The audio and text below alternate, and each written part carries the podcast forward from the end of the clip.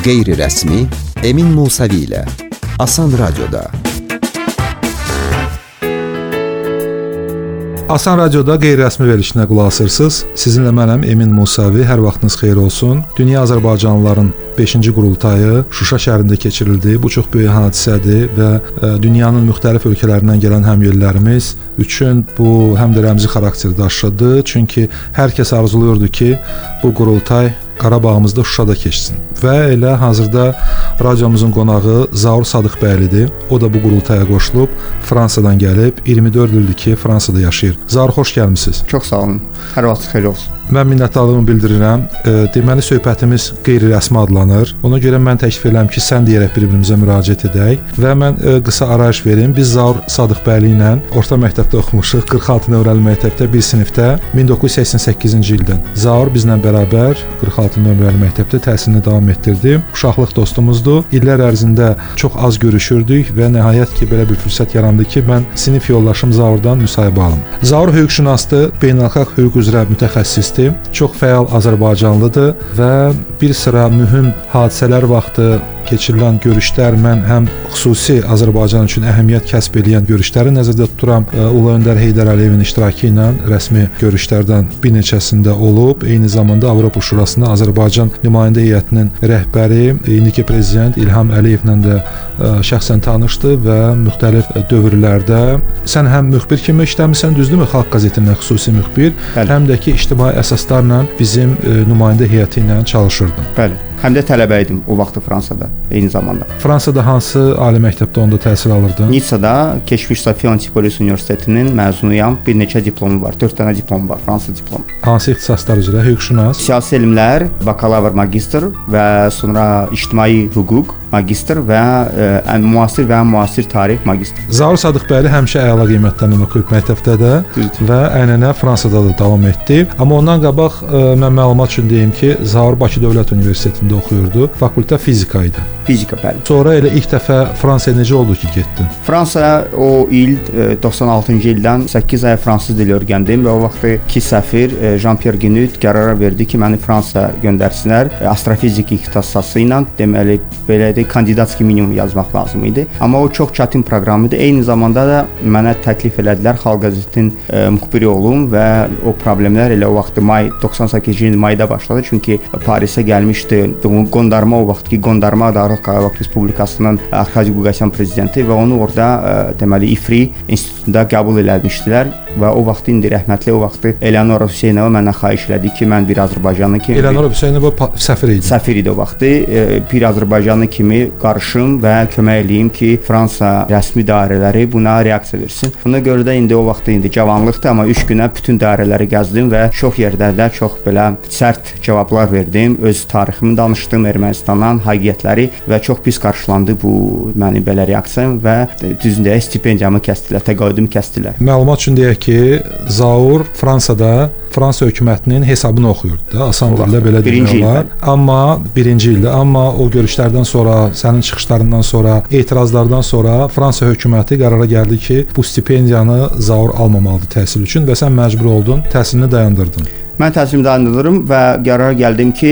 ermənilərlə, erməni fərləslərlə bir səviyyədə olmaq üçün onların e, deməli sisteminə oxumaq lazımdır, başa düşmək lazımdır və siyasi elmlər onun üçün çox yaxşı bir üsul idi. Çünki bütün Fransada jurnalistlər, müxbirlər, onlar hamısı siyasi elmləri qurtarır. Bir neçə ilə o səviyyə mənim səviyyəm çox qalxdı bu vaxt. Asan radioda qeyri-rəsmi bu dəfəki qonağımız Zaur Sadıqbəylidir. Zaur Fransadan gəlib. O Şuşada keçirilən Dünya Azərbaycanlılarının 5-ci qurultayında iştirak edib. Xoş gəlmisən Zal. Fransız dilində necə demək olar? Asan radio mənim sevimli radiomdur və mən hətta internet vasitəsilə ona Fransada qulaq asıram. Radio Asan est ma radio préférée. J'écoute, je l'écoute toujours. Təşəkkür. Və ə, e, sonra nələr oldu? Zaur başladı artıq hüququ öyrənməyə, siyasəti, hüququ və eyni zamanda Azərbaycan nümayəndə heyəti ilə əlaqədə idim. Avropa Şurasına bilirsiniz, o vaxt Azərbaycan qəbul olunmalı idi. Birinci dəfə 2000-ci ildə getdik ora, mən getdim. Strasburqa. Və mən Strasburqa. Və mən fikir verdim ki, fransız dili bilmək və o səviyyəni al almaq çox çox vacibdir. Çünki o mətbuat konfransı var idi. Mən sual verən kimi dərhal deməli reaksiya oldu. Hamı qaçdı, gəldi çünki sual çox güclü idi. Və mən başa düşdüm ki, bu doğrudan Çünki sən da sualı özdə fransız dilində. fransız dilində və o çox güclüdür. Hər kəsdən öz dilində danışmaq Hər- vacibdir. Bəli. Və gələn ildən il yanvarın e, 26-sında Strasburqda Azərbaycan Avropa Şurasına qəbul olanda e, Robert Koçaranın və e, Ulu Öndər Heydər Əliyevin birgə mətbuat konfransı idi və orada 16-17 sual verilmişdi. Mən də e, çeviklik göstərdim və 16 sualı verə bildim. Çox çox fikirləşmişdim mən o sualı və sual elə verildi ki, e, Robert Koçaran ona cavab verə bilmədi. Dedi ki, vaxt lazımdır ona çünki sualı eşitməyib tərcüməsini və hamı gördü ki, Vardan Askanyan e, Robert Koçaranı on, orada küncdə izah eləyir necə sual vermək. Təlimatlandırdı. Bəli. Oskanyan da Ermənistanın Xarici İşlər Naziri. Xarici İşlər Naziri, bəli. 16-cı sualı sən verdin. 16 sualı vermə. O kadrlarda Azərbaycan Dövlət Televiziyasının arxivində var. O zaman da göstərilmişdi. Bəli. Göstər. Sonra nə oldu? Prezident Heydər Əliyev mənim sualıma çox yaxşı, çox ətraflı cavab verdi və 3 gündən sonra Bakıda gənclərlə görüş keçirildi. Mənim üçün gözlənilməz hal idi və prezident çıxış eləyəndə gənclərlə bu hadisəni danışdı.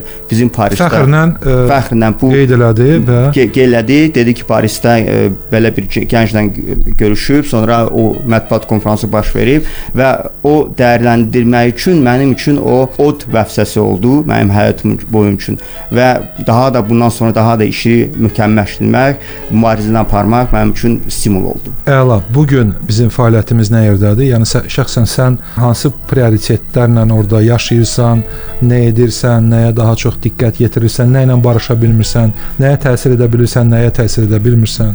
Bilirsiniz, ə, qurultay indi indi qurultaydan danışırdıq. Qurultaydan 400 bizim nümayəndəmiz, biz çox mən şəxsən çox adamlarla görüşdük, söhbət elədik və mən ümumiyyətlə Şuşada nə baş verir, ə, tikintilər, hərbiçilərlə danışdıq. Çox çox təəssüratlar var. Mən ikinci dəfə Şuşayım ki, ötən il iyulda mən Bəli, bir dəfə yadımdadır. Şuşaya, getmişdim.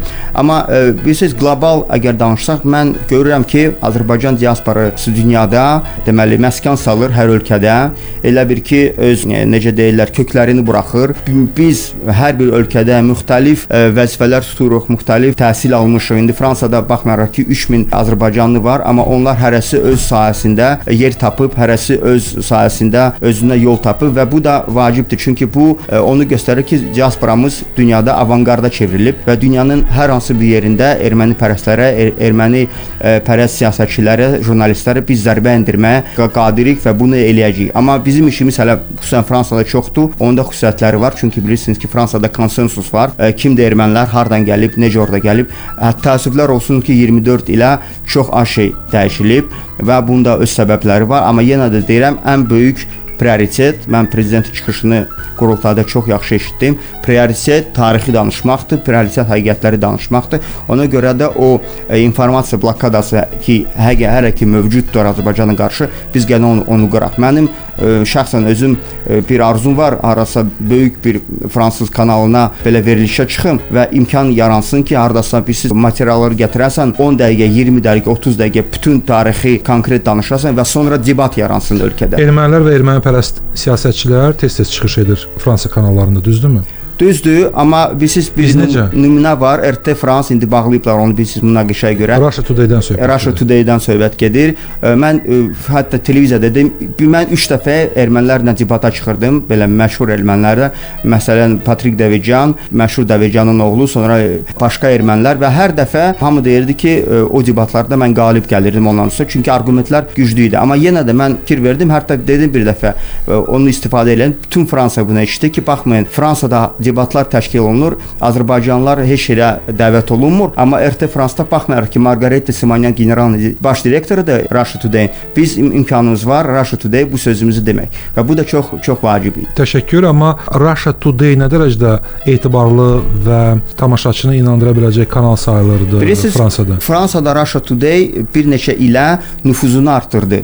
Düzdür, həmişə yazılmış ki, Rusiya Rusiya meylli kanaldır, amma o onlar öz siyasətdə yavaş-yavaş nüfuzunu a- artırdı. Demək olar ki, neytral, obyektiv şəkildə məlumatları çatdırırdı və Russia Today bu xüsusiyyəti ki, baxmayaraq ki, e, Fransada erməni çoxdur, münaqişədə, debatlarda hər iki tərəfi təmsil eləmək həmişə istirdi. Bu da vacibdir. Nisbətən də olsa obyektivlik var idi. Və bəli. əsas prinsiplərə riayət edirlər. Başa düşdüm. Makron yenidən prezident seçildi. Bəli. Onun prezidentliyi necə olacaq? Mən özüm də ona səs vermişəm, çünki alternativ Marine Le Pen idi.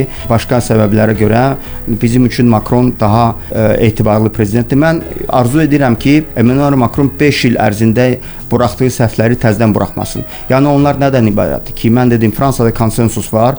Kimdir ermənilər hardan gəlib və təəssüflər olsun ki, Fransanın bəzi nazirlikdə, Xarici İşlər Nazirliklərində, kəşfiyyat orqanlarında ermənipərəst adamlar var. Yanlış məlumat çatdırdılar. Güya ki, İslamistlər, terroristlər gəlib ə, cihadistlər Qarabağda vuruşur və o da hamısı puça çıxdı. Və bu da böyük səhv idi. Gedib Avropa zirvəsində bu məlumatı demək biz çox narazı idik buna və çox tweetlər, sosial şəbəkələr. Bəli. İndi də dünya vəziyyəti dəyişib, mürəkkəbləşib və bilirsiniz ki, Fransada Macron da özü başa düşüb ki, e, sərhədlərin toxunulmazlığı əsas prinsip olmalıdır. Çünki Ukrayna Ritorikası dəyişəcək səncə? məncə dəyişməlidir. Çünki biz Artıq e, dəyişib iki yoxsa dəyişəcək?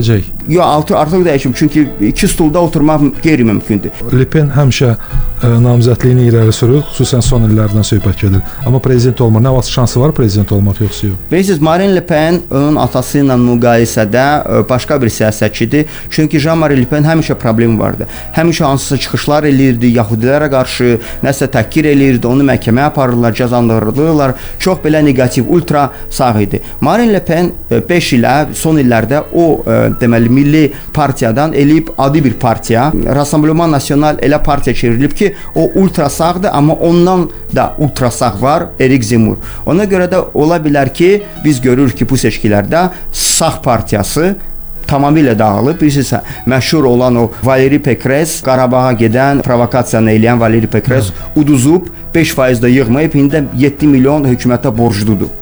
Yəni biz gördük ki, ermənilər heç kimə Fransada kömək eləmədi. Soldan da Parisin meri Anne Hidalgo 2% yığdı. Yəni bu böyük partiyalar dağılıb. İndi baxmaq lazımdır, e, siyasi qüvvələr rekompozisiya olunacaq və görək milli o Rassemblement National hansı yerini tutacaq.